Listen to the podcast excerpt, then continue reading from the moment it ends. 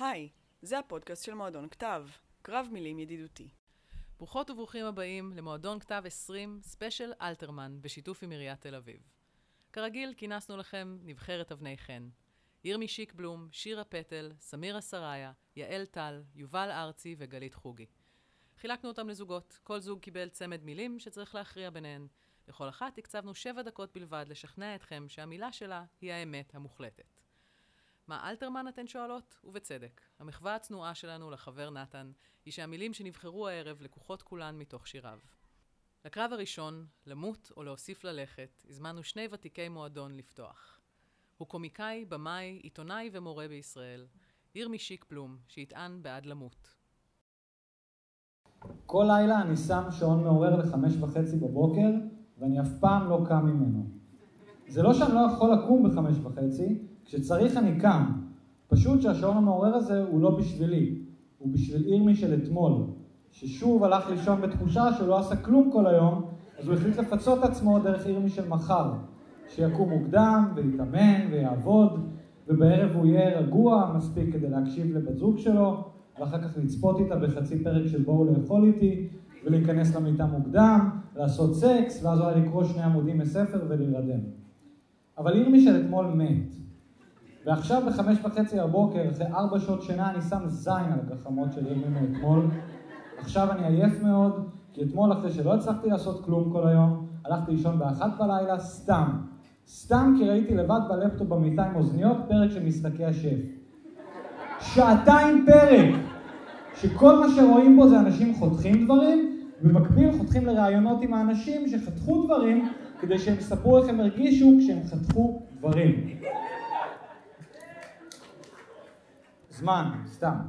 ואני לא יודע אם אפשר בכלל לומר שצפיתי במשחקי השף, כי רוב הזמן בכלל זיפזפתי בפלאפון, ועדיין, למרות שבכלל לא הייתי מרוכז בפרק, לא הפסדתי שום דבר. כי זו תוכנית שמהונדסת ככה שלא נצטרך בכלל לצפות בה. כמו פוסט שאני לא צריך לקרוא כדי לתת לו לייק, או סטורי באינסטגרם שאני לא צריך לצפות בו כדי לקנא בחיים של מישהו אחר. והאמת שככה אני באמת מתעורר בבוקר, סטוריז באינסטגרם. אחרי השע, השעון של חמש אה, וחצי מצלצל השעון של שבע. הוא מעיר אותי אבל לא מקים אותי מהמיטה. בשביל אשכרה לקום מהמיטה אני מזמין את הפלאפון לפרצוף ומזהם את המודעות שלי ברסיסי חיים של אחרים על mute. שבע בבוקר ואני מדפדף ומשתגע כי משהו פה לא הגיוני.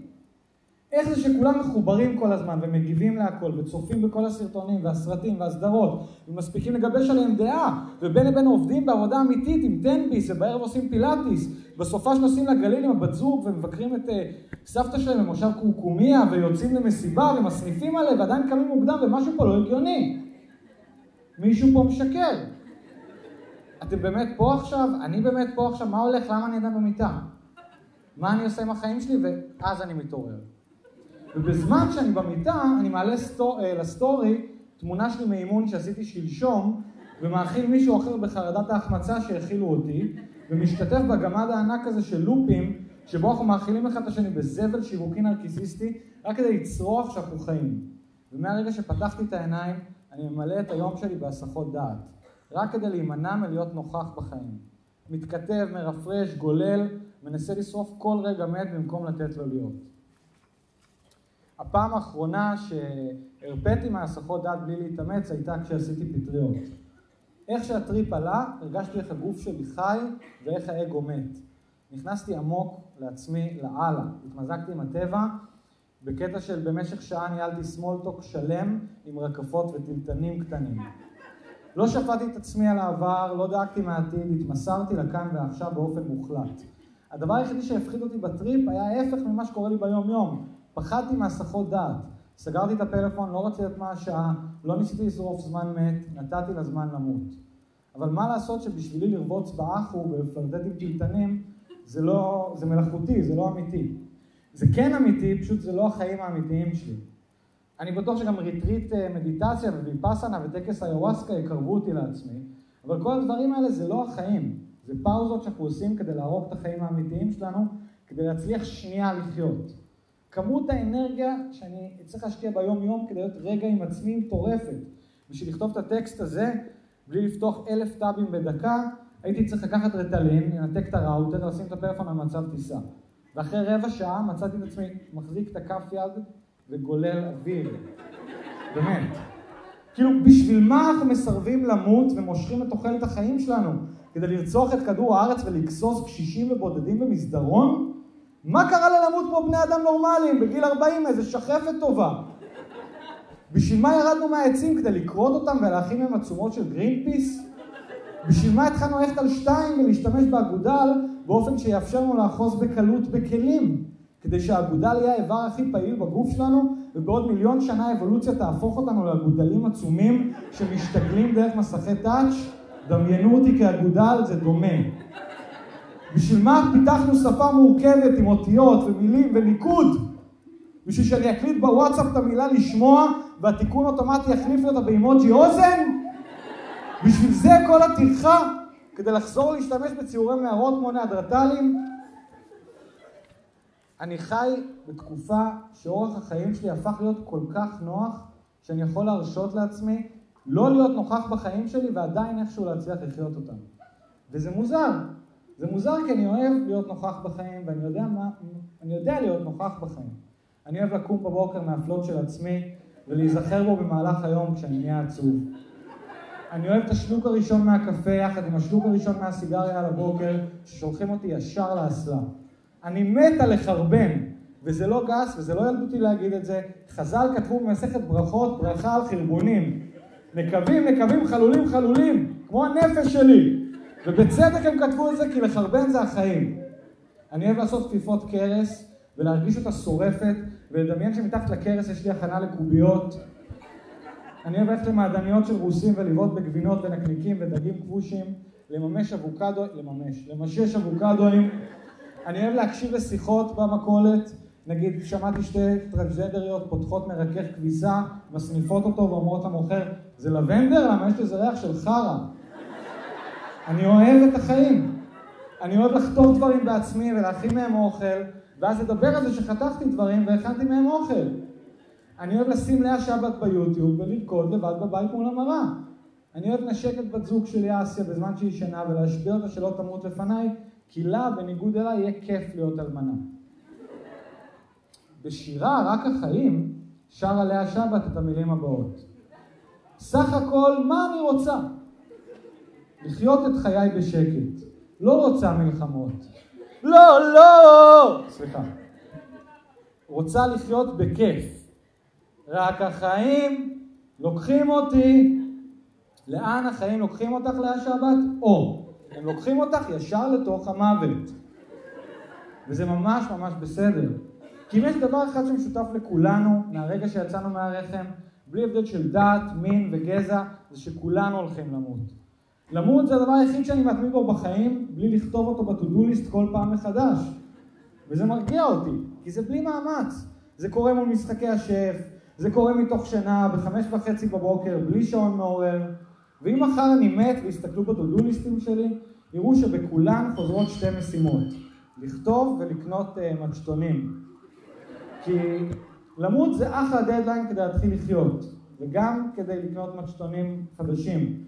בכל זאת, בן אדם בן 32 אה, לא יכול להרשות לעצמו להסתובב עם מצ'טון משוק הכרמל עם הכיתוב שברת שילמת על התחת.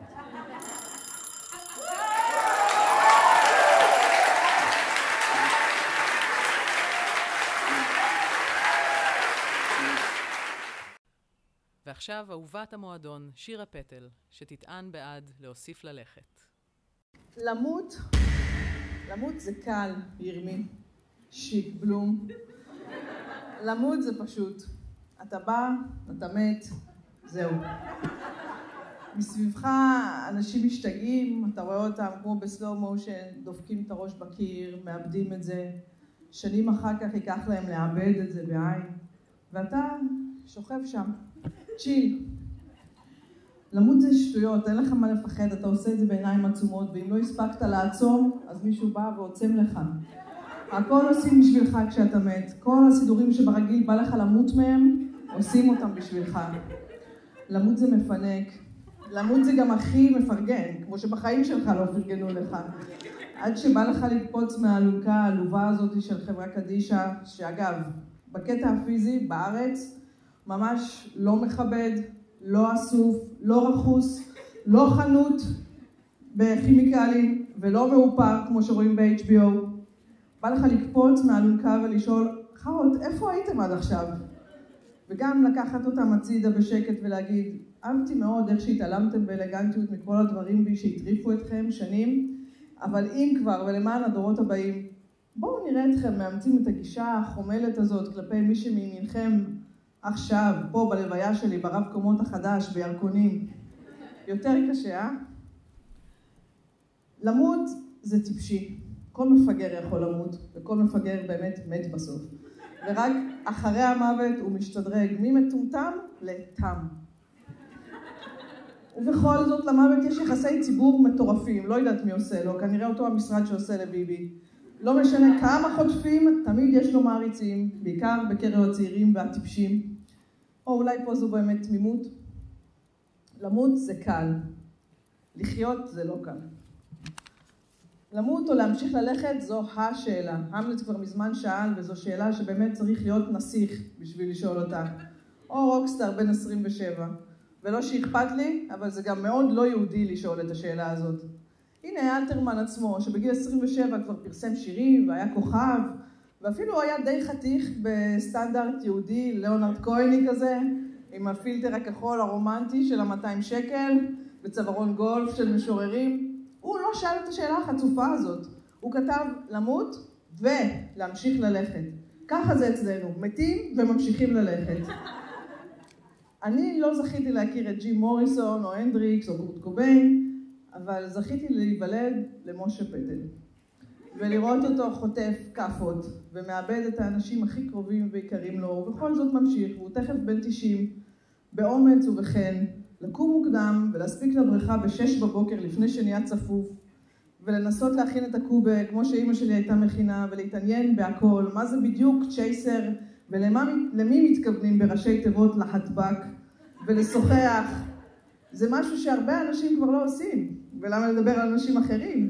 הוא עצמו לפני 30 שנה, כשאני הייתי ממש צעירה והוא כבר היה בקטגוריה של הזקנה,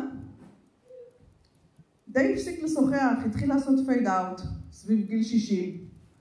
אבל חיים ולומדים ונוסעים במוניות, ושמעתי מנהג מונית אחד שסבתא שלו, שחיה עד גיל 106, פתאום בגיל 100 צמחו לה מחדש שיניים. של דג, ככה הוא אמר, צמחו לה שיניים של דג. ואני הייתי עסוקה מדי בלדמיין איך נראית שן של דג בתוך פה של בת מאה, ואז כבר הגענו ליפו וירדתי, ואת לא עולה על אותה מונית פעמיים. אז סוג השן נשאר תעלומה, אבל אני חושבת שכמו הסבתא ההיא, אנשים לפעמים מקבלים לעלות להדרן לקראת סוף חייהם. ולפעמים ההדרן הוא תמצית משובחת של אותו אדם, אולי אפילו יותר טובה מההופעה. יש גם פחות מוצלחים, כמו ההדרן של אימא. בהתחלה של האלצהיימר היא הייתה זקנה, חמודה, אוהבת, מבולבלת, ואז הגיעה לכיתה א', מהכיוון השני, מלמעלה. וכמו ילדה שרק למדה לקרוא, היא הייתה קוראת בכל, כל שלט וכותרת שראתה. כשאחי מת, היא הפכה ביום אחד לדולפינה, שזה חמוד וחיה הכי אינטליגנטית ומתאימה לאימא חכמה, אבל פחות מתקשרת מילולית.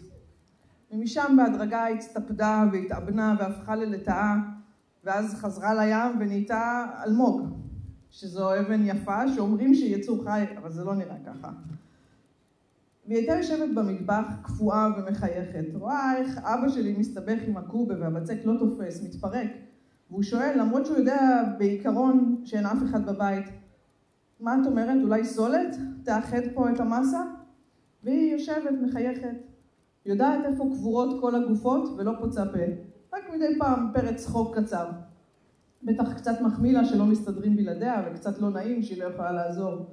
לא נורא, היא את שלה עשתה מעל ומעבר בתחום, בתחום הקובה מבלי להיכנס למספרים, אם כי יש איזה חישוב שעשיתי, אפשר אחר כך.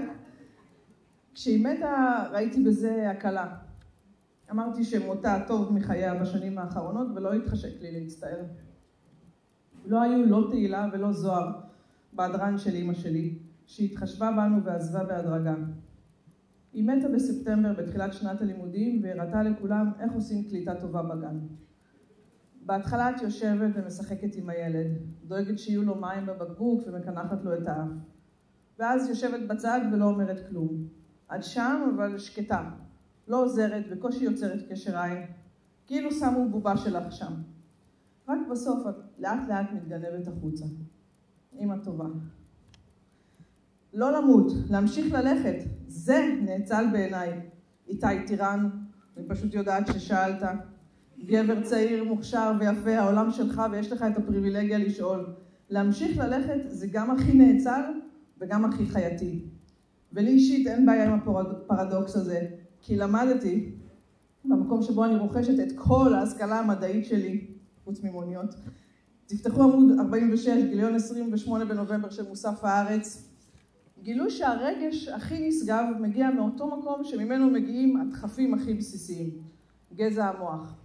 אז נכון, זה שומט את הקרקע מתחת לכל הטענות שאהבה וסקס זה שתי רשויות נפרדות, ואני מציעה מכאן והלאה לכל אחת שאומרים לה ש- didn't mean anything, וזה היה רק סקס, למשוך את השטיח מתחת לרגליהם של אלה שאמרו לה את זה, לגלגל אותם בתוך השטיח האפגני שלהם, ולהזמין פרסי משוק הפשפשים שיפנה אותם, אני יכולה לתת טלפון של יעקב בהפסקה.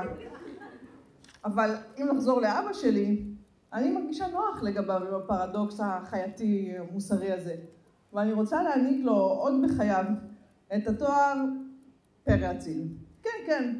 טוב, אל תלכו בראש לבדואי החתיך הזה מהרס בסיני, לא. ימינה, תשברו חזק ימינה, ביבשת אחרת, זמן אחר, עולם אחר. אבל מבינים למה אני מתכוונת? הוא אפילו לא התנגד לאהבה חדשה. מה שאתה שומע, אסף אמדורסקי. כי הוא יודע בכל אחת מהעצמות הזקנות שלו שהאהבה היא הזיקוק העליון של הקיום שלנו פה. המוטיבציה העיקרית ואולי היחידה להמשיך ללכת, וגם הדרך עצמה. אז אם במקרה יש בקהל מישהי נחמדה, 70, 80, 90 כזה, רצוי עיראקית אבל לא חובה, לא נפיל עסקה מאיזה כיוון היא מגלגלת את הקובה, כל עוד היא ממשיכה להתגלגל ובכיף. אם יש כאן מישהי כזאת, יש לי בחור נחמד להכיר לה.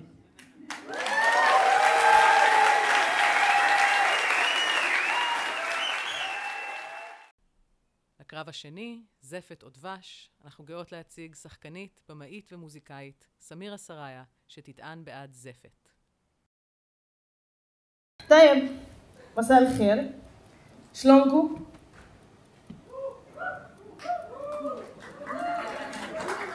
طيب شلونكم؟ بتأمل إنه أنتم بخير بخير؟ آه إيه يتام شلونك يتام؟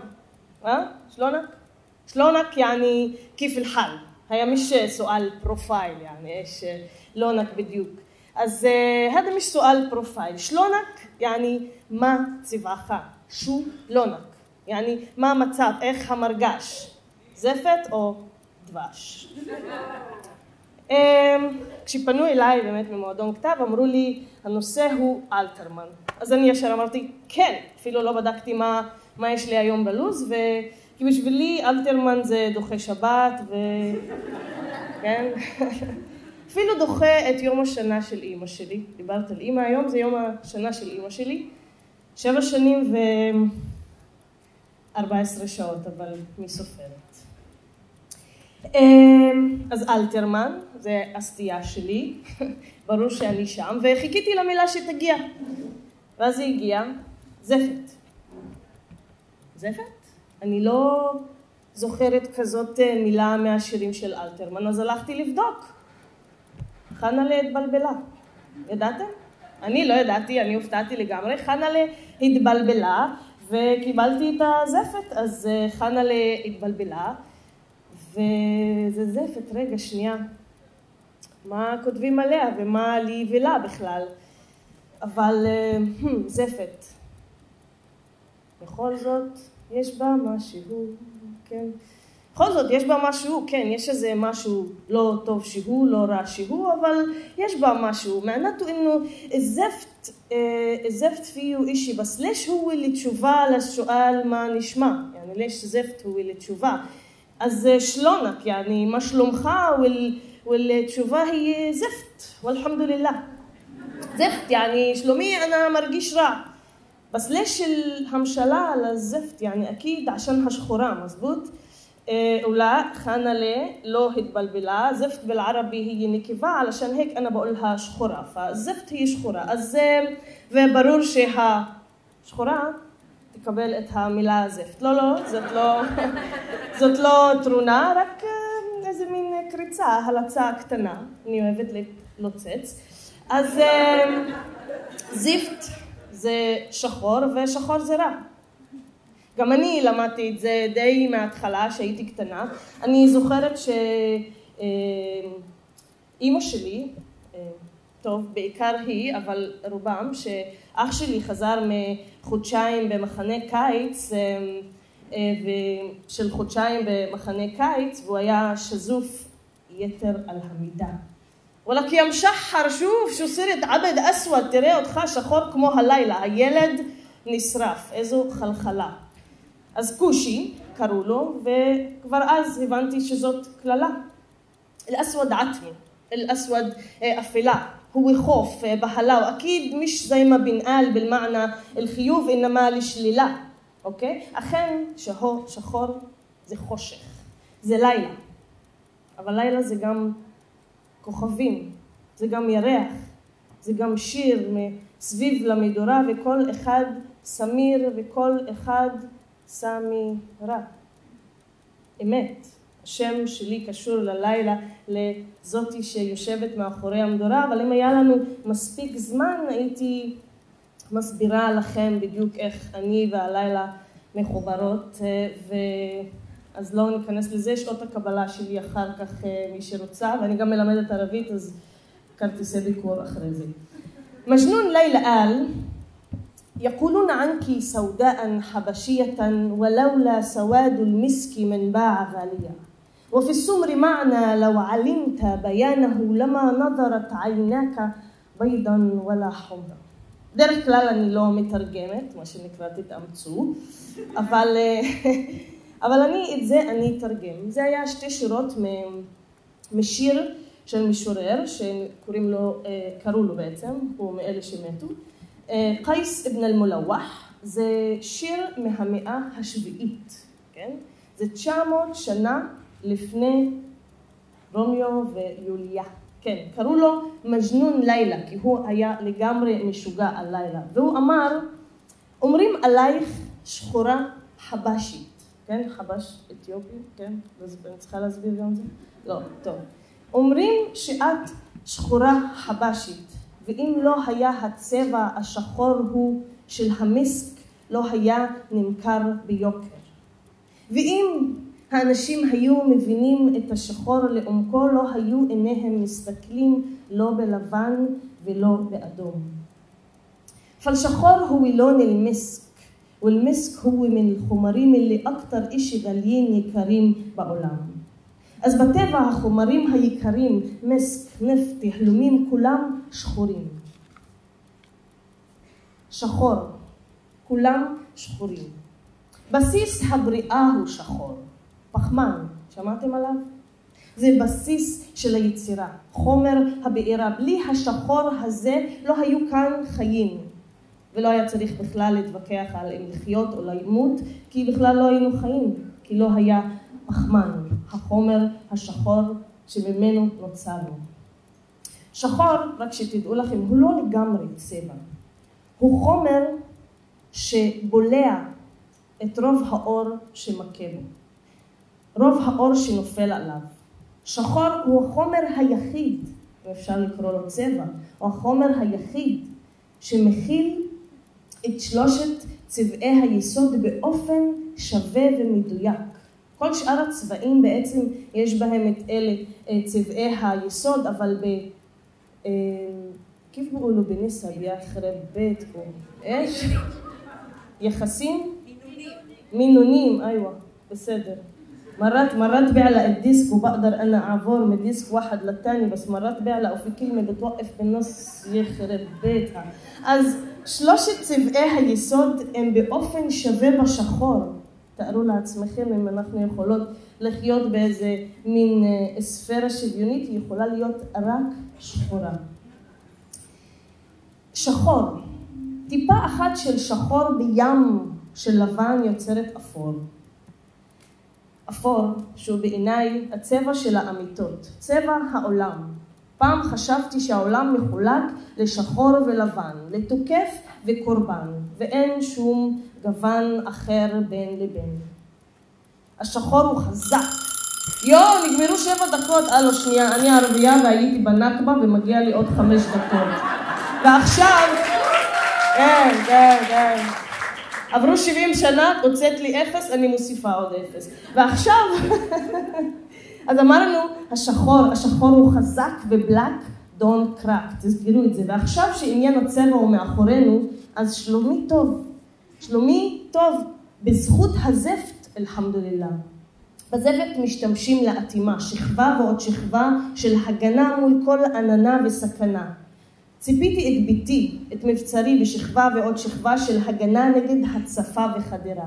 ללא, ללא שכבת איתום, ספינתי לא יכלה לשוט, והייתי טובעת בים של דמעות. זפת זאת אפשרות להתקדמות, בו סוללים דרכים עוד פיסה ושל דרך ועוד פיסה ושבילי עפר וחצץ הופכים לאפשריים. לצעוד בהם בלי ליפול ולהיפצע, ועכשיו בחלוף השנים הן זזות להן השכבות לאט לאט. מיקרו מובמנט. כי על אף שהזפת נראה דומם ומוצק, וזה אמיתי, הוא בעצם נוזלי. נוזל בצפיפות גבוהה. מספיק חזק ובצפיפות גבוהה בשביל שיאטום ויגן, אך גם נוזלי, שיכול לעבור, לנשור ולנסור, ולנזול ולאפשר משהו אחר. בזה אנחנו דומות, אני והסבט, והזפת, ולא רק בצבע. כנראה לא סתם אני מופיעה ביום השנה שלך, אמא, עם המילה זפת. תודה. תודה שעשית אותי זפת, שחורה. תחשבו, כמה חסכה לי אימא שלי על קרם הגנה.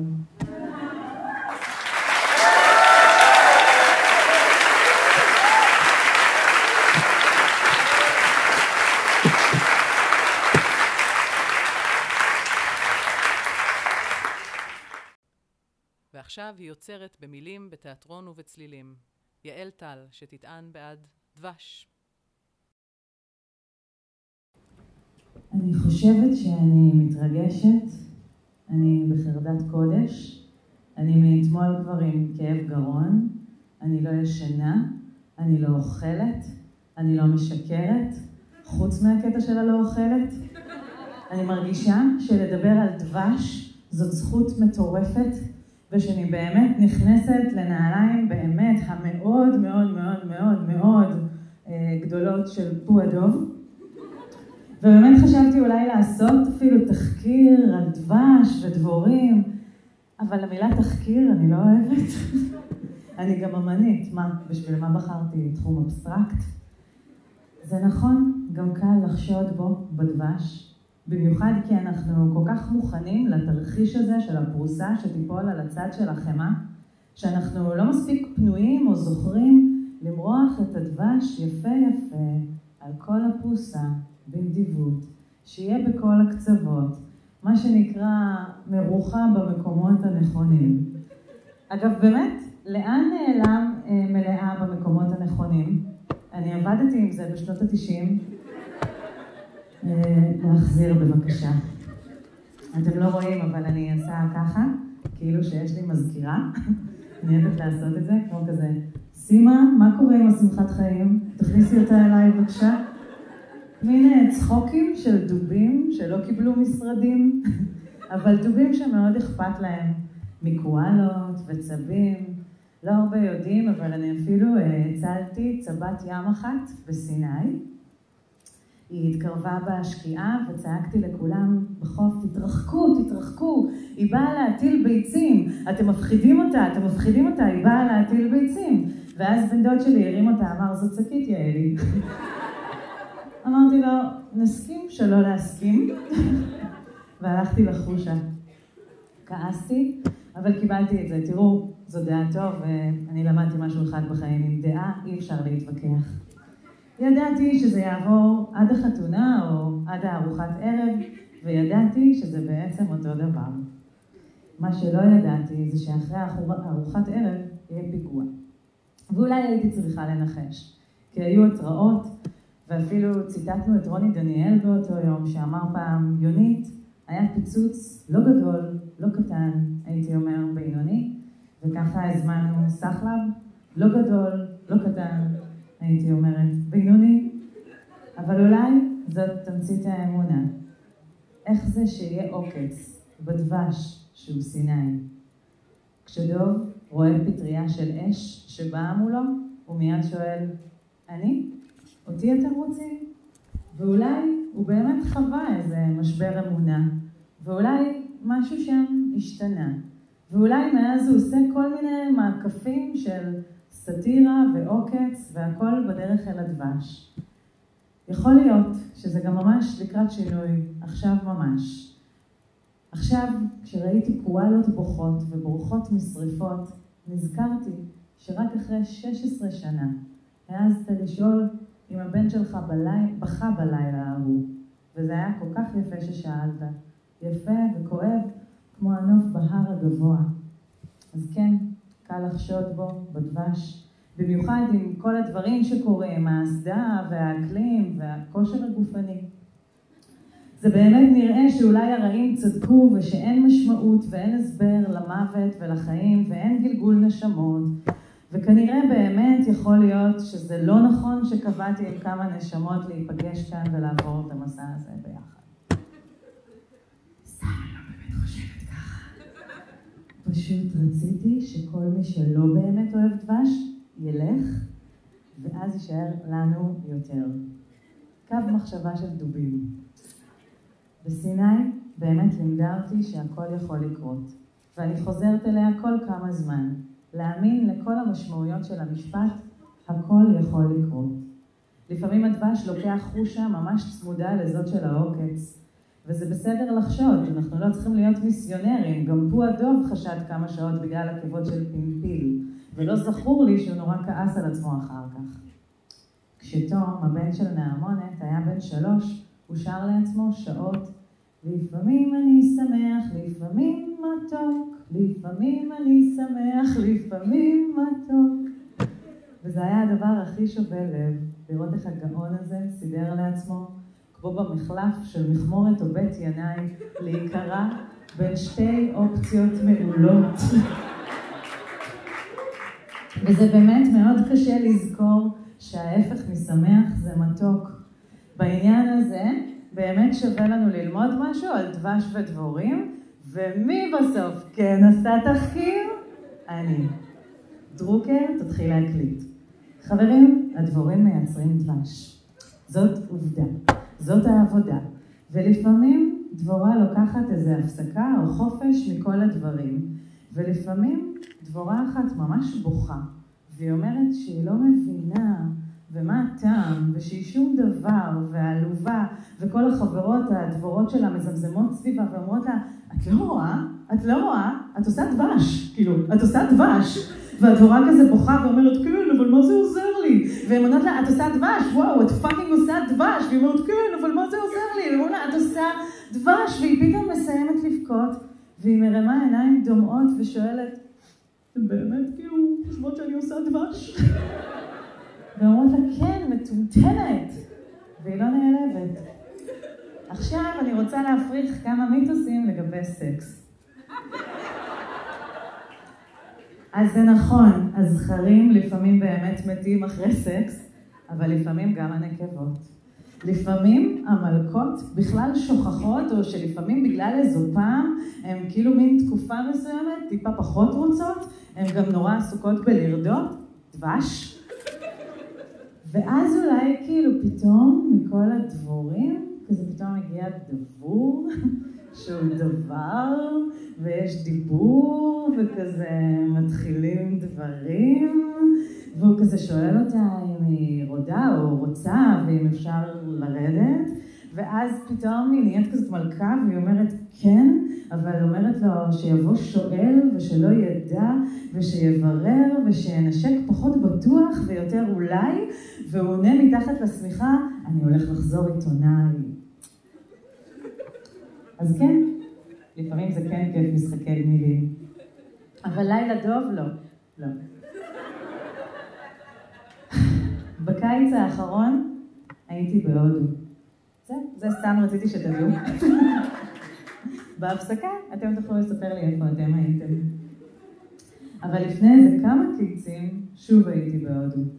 והגעתי לאיזה סדנה של אה, גורו מתחיל. אני אוהבת אותם כזה, לפני הרולקס יהלומים ורציחות בסדרה בנטפליקס. לקטע הבא אני אעשה מבטא הודי, וזה בעיניי סיכון מאוד מאוד גדול וגם ממש נדיבות של דבש. אז ככה הוא אמר. Sometimes you tell it to people life is beautiful and they tell no life is difficult life is hard and you say okay but still life is beautiful and they say no but life is difficult life is dark and you say okay but still life is beautiful. You say one time you say second time third time namaste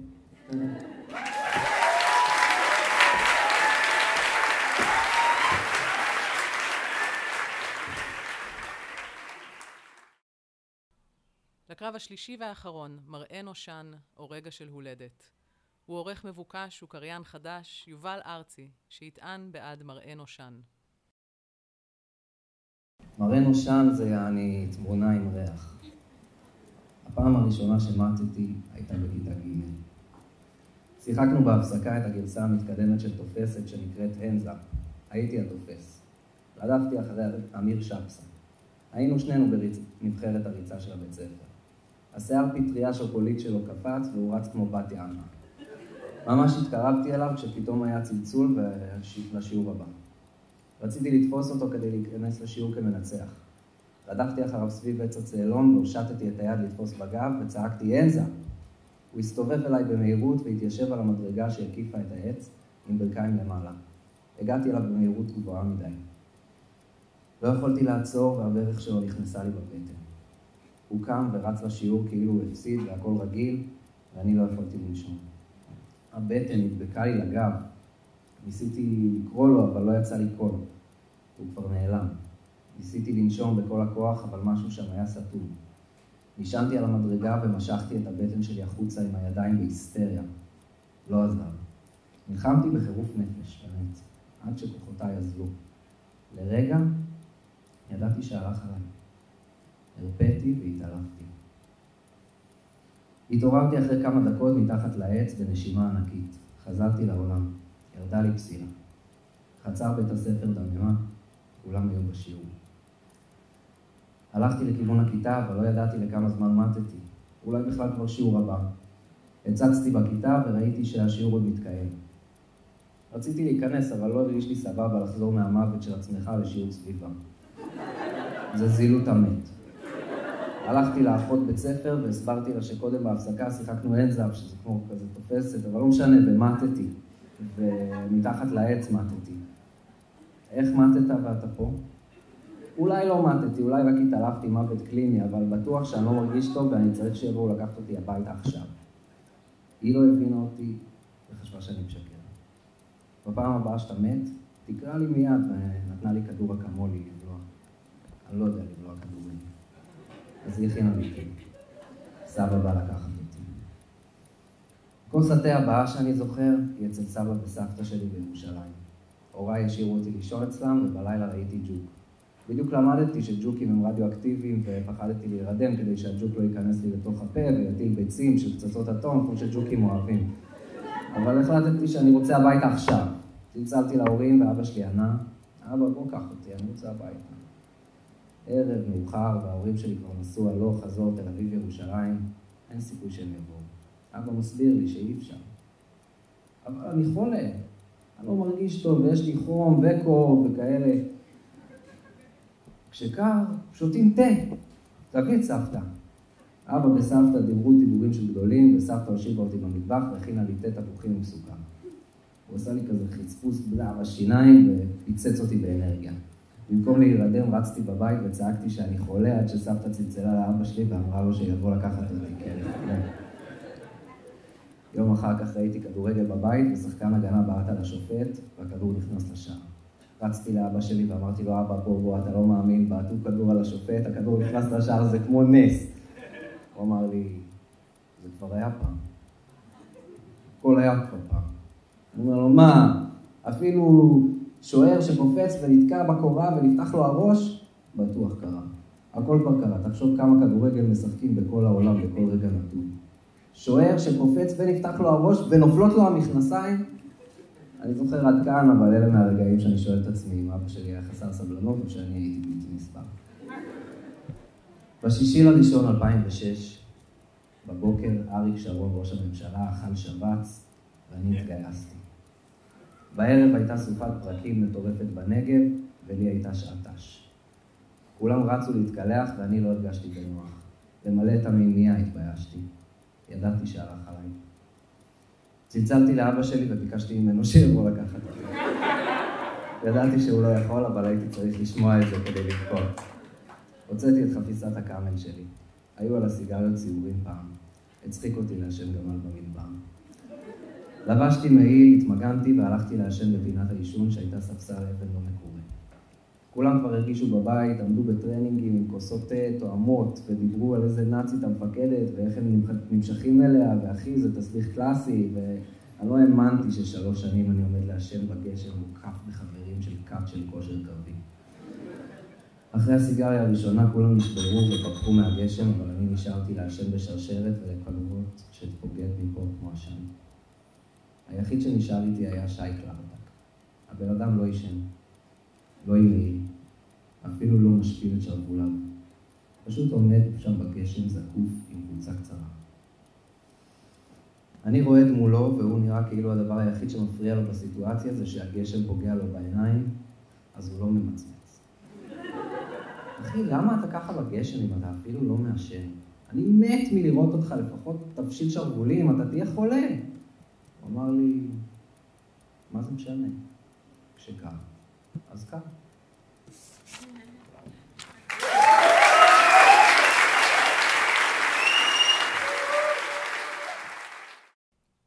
ולסיום, היא תסריטאית, קומיקאית וכל האחיות שלה מוצלחות. גלית חוגי, שתטען בעד רגע של הולדת. אני מאוד מאוד שמחה להיות פה. אה, קודם כל, אני לא אוהבת את אלתרמן, והוא היה משורר עצום, אבל נראה לי איש מבאס. בן אדם, מזל אריה קלאסי, שחושב שהכל מגיע לו. אם לא תרצי אותו, הוא ישרוף לך את הבית. איש אה, סובטילי, מופנם. וכמה passive aggressive, אימא. וואו, אלתרמן הוא אבן דרך ב alpha male יות הישראלית. הוא העולם, הכל זה הוא, כשקשה לו זה הוא, וכשסבבה לו, כל הכוכבים בחוץ. וכל כך קשה לו שקשה לו. קיצר, כמו גברים מהניינטיז, רק בשירים לבגרות. אבל uh, שירים יפים, מה אני אגיד? שירים יפים. ומשפט יפה, כמו גם למראה נושן יש רגע של הולדת. אפיפניה קוראים לזה בנצרות. התגלות, אסיד. העולם אותו עולם והעיניים הן החדשות. ברגע של הולדת חווים מחדש את מה שכבר יש לנו. זה כמו להוריד חזייה. דבר שאני מניחה שגם אלתרמן היה טוב בו, רק מהצד השני. בכל אופן, להוריד חזייה. זה מדהים, אני מעולם לא הורדתי חזייה, לא חצי שעה באיחור. זה תמיד חצי שעה של אי נוחות, עד שאת קולטת, אה, אה. אז אותו דבר, רק על העולם כולו. ואני כאן להגן על הרגע של הולדת, ובאמת זה לא כוחות, סליחה. מראה נושן זה בסך הכל מילים נרדפות לנוסטלגיה, ואלוהים ישמור, מה יותר גרוע מנוסטלגיה? התרפקות על זיכרון לא מתפקד. כי זיכרון הוא באמת בטלן צ'ארמר שיגיד לך כל מה שאת רוצה לשמוע. הוא מתעתע, הוא מקסים, אבל זה לא מישהו לסמוך עליו שתמיד יהיה שם. זה גם כל כך אקראי מה נשאר בסוף בזיכרון. מי הילדה שלמדה איתך באלף, עיינה אסרף, שדווקא את השם שלה תזכרי אולי כל החיים. ברגע של הולדת לעומת זאת, עוד לא זוכרים כלום, רק מאמינים. העניין הוא שאם את בת, אישה, גברת, כל הרגע של הולדת הזה הוא שאלה יותר מחייבת בשבילך, כי את צריכה להחליט מאיזה צד של ההולדת את, מבחינה אקטיבית. לפני כמעט שנתיים הולדתי רגע, באיכילוב, בלידה כיפית לאללה. נולד לי תינוק קטן ומתוק ומטולטל, והתינוק הזה היום הוא ברק אובמה. סתם, סתם. אבל, אבל זו באמת ההרגשה שמולידים. שהנה, נכנסת להיסטוריה, ובאמת פיזית נכנסת. הסטת את מהלך הדברים דרך הפושפוש שלך, הקרופה. והעולם יהיה אחרת מעכשיו, ואת דלוקה. אבל אני מרגישה שכדי להיות אשת מכירות טובה, אני צריכה להציג לכם גם את החסרונות, ויש הרבה. אבל אולי הגדול מכולם, זה זה שהוא כבר כמעט בן שנתיים, ואני עדיין לא החלטתי איך זה. כלומר, להיות הורה זה די קל, זה סתם להסכים לחיות כשהכול דביק מעכשיו, אבל מבחינת המהות של זה, אין לי עדיין מושג. כי בהתחלה זה עוד כלום, חצי שנה, חצי שנה ראשונה הם עדיין לא מחייכים. זה עדיין שקית איברים שאת מניידת ממקום למקום. קוראים לזה תינוק כי לא נעים. בגיל חצי שנה התינוק הוא אה, בשלב של קרחת של תת אלוף. זה תינוק והוא נראה כמו בכיר ממני בצה"ל, מוטי אלמוז. זה, זה עוד לא השלב שהם כזה פרסומת לגרבר, הוא עדיין נראה יותר כמו פרסומת למסמכים. אחר כך את מפסיקה להעניק, אז חצי שנה עד שנה זה רק את מעשנת שחטות, מחפשת פחיות אקסל חצי ריקות במחששות של תיכונים, אני לא זוכרת מה היה בזמן הזה. בגיל שנה הוא כבר הולך למסגרת, אז באמת, זה מעט מאוד פגישות איתו, אין לך מושג, ואת אומרת, טוב, תכף הוא יתחיל לדבר ונראה איך זה יהיה.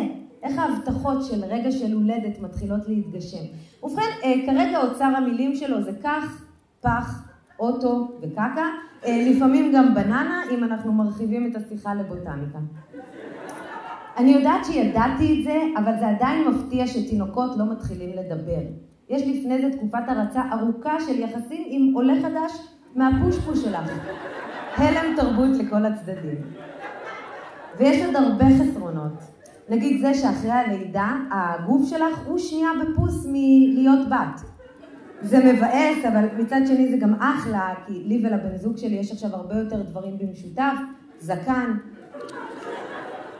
אז הגוף מפסיק להיות בת. הוא כאילו עשה בלידה את הצוגת תכלית שלו הכי בת בעולם, ועכשיו הוא בהמתנה. ולא רק פיזית, גם נפשית. את קצת נהיית אימא של כולם. זה תהליך מאוד דוחה ומעליב שאנחנו עוברות. אני לא מזמן ראיתי מישהו בגילי, ואמרתי לו, איזה טוב אתה נראה, איזה חתיך. ואמרתי את זה בלי טיפת סליב. זה היה שנייה מלהגיד לו, אפשר לצאת איתך לדייט חתיכי? ומדוע?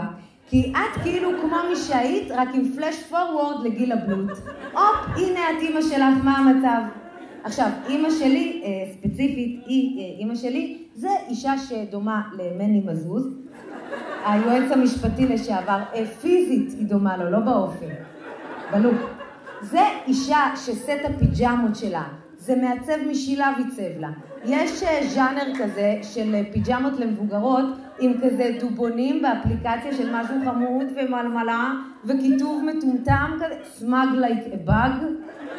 פיג'מה חד משמעית של תינוק, רק שראש של מני מזוז עייף בוקע ממנה. או שלה ולאבא שלי אין מין והפיג'מה הזאת זה כאילו מדי התבוסה של זה, או שיש להם את המין הכי סוטה בעולם. אני לא רוצה לדעת. בכל מקרה, לשם פנייך מועדות, ולא בעתיד הרחוק, מתוקה, עכשיו. עכשיו. ובכל זאת, וחרף החסרונות, אני ממליצה לכם להוליד רגע, וממליצה לכם לבחור ברגע של הולדת. כי רגעים של הולדת אלה הרגעים הבלתי ציניים בחיינו. הם מאפשרים את זה שנהיה ציניים בכל שאר הזמן רצוף. להיות ציני בלי להיות בלתי ציני מתחת, זו סתם רשעות וטעם רע, ועל זכותנו הצודקת לחיות את חיינו הקשים ולהיות ציניים בקלאס ואירונים במודע, אסור לנו לוותר. מה יש לנו חוץ מזה? כשמפלצות המראה נושן באות לאכול לנו את הראש, אנחנו צריכים להילחם על הזכות הזו בכל כוחנו, ולעולם, לעולם לא להיכנע.